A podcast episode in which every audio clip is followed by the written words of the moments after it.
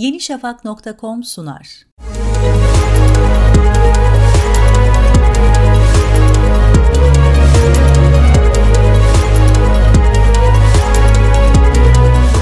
Bilişim dünyasına kazandırdıklarıyla ve siyasi aktivizmiyle tanınan Aaron Schwartz, internete büyük katkıları olan bir bilgisayar korsanı. 8 Kasım 1986'da Chicago'da dünyaya gelen Aaron Schwartz, 3 yaşındayken ilk bilgisayarıyla tanıştı. Doğuştan öğrenmeye karşı büyük bir yeteneği olan Schwartz, o yaşlarda kendi kendine okumayı öğrenmişti. Aaron, üç erkek kardeşten en büyüğüydü ve programlama dillerine karşı büyük bir ilgisi vardı. İnternet teknolojileri ve programlama üzerine daha çocukken çalışmalara başlayan Schwartz, bugün neredeyse herkesin kullandığı birçok programın fikir babası olarak tanınıyor. 10 yaşındayken Wikipedia daha kurulmadan önce The Info Network adını verdiği bir internet sitesi kurarak bir dijital ansiklopedi oluşturmayı öngörmüştü. 12 yaşındayken projesiyle Cambridge'e bağlı olan Ars Digital'ın düzenlediği bir yarışmada birinci olmuştu. Henüz daha çocuk sayılabilecek bir yaştayken tüm dikkatlerini üzerine çeken Schwartz, ülke çapında internet teknolojilerinin geleceği hakkında konuşulan konferanslara davet edilmeye başlamıştı. I think is that now you can't make companies like Doc was saying. You can't have companies that just, you know, let's sell dog food over the internet, let's sell dog food over cell phones. But there's still a lot of innovation going on. I think if you don't see the innovation, maybe your head is in the sand. RSS Fit taslağını hazırlayan komitede yer aldı. Komitedeki diğer yazılımcılar yüz yüze görüşmek için toplantıya çağırdıklarında daha 14 yaşındayım ve annem izin vermez şeklinde bir cevapla karşılaştılar. WWW'nun mucidi Tim Berners-La bir chat programında tanışmıştı. Schwartz 15 yaşına geldiğinde bir hakemli dergide Music Brands a Semantic Web Service isimli makalesini yayınladı.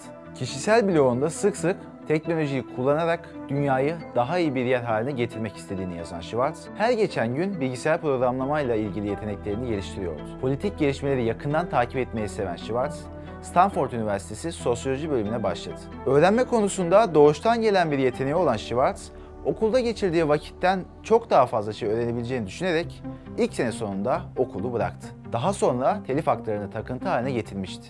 Bu sırada Harvard'da hukuk profesörü olan Lawrence Lessig ile tanıştı. İnternet üzerindeki telif hakkı tartışmalarının olduğu bu dönemde Creative Commons lisans modelinin gelişimine katkıda bulundu.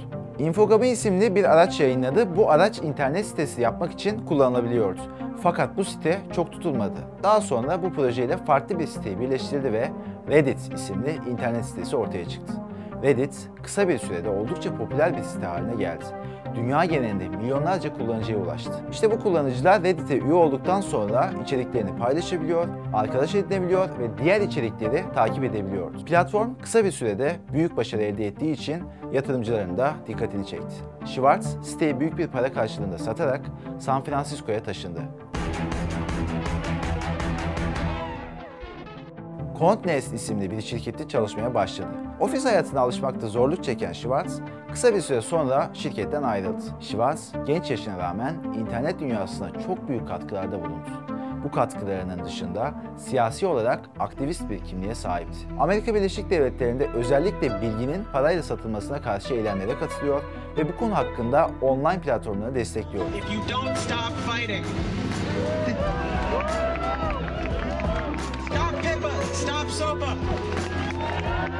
Harvard Üniversitesi'nde araştırmacı olarak çalışmaya başladığında kar amacı gütmeyen Demant Progress'ı kurdu.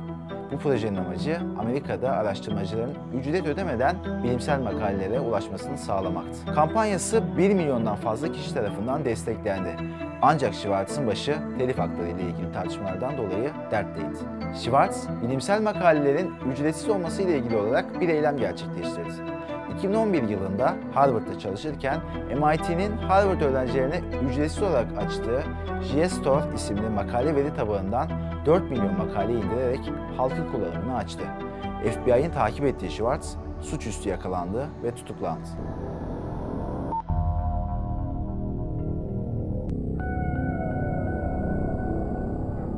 But days later, it caught Swartz.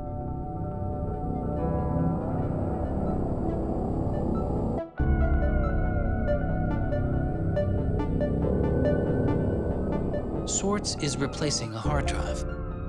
He takes it out of his backpack. Çocukluğundan itibaren parlak zekası ve internete kazandırdıkları herkesin takdirini toplayan Schwartz'ın tutuklanması şok etkisi yaptı. Siber hırsızlık suçlamasıyla çıkarıldığı mahkemede 1 milyon dolar para cezası ve 35 yıl hapis cezasına çarptırıldı. Schwartz, mahkemeye sunduğu itiraz ve önerilerin tamamı reddedildikten 2 gün sonra 11 Ocak 2013 tarihinde Brooklyn'deki evinde intihar etti. So I kept screaming, I can't hear you. What did you say? I can't hear you. I can't. That's it. The social news and entertainment website Reddit has been found dead. Police say 26 year old Aaron Swartz killed himself yesterday in his Brooklyn apartment.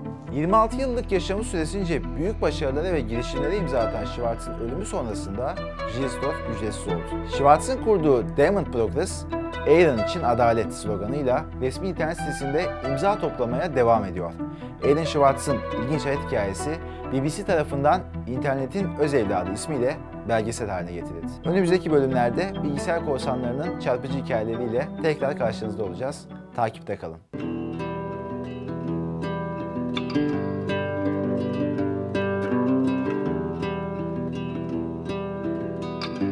The internet's own boy. And the old world killed him.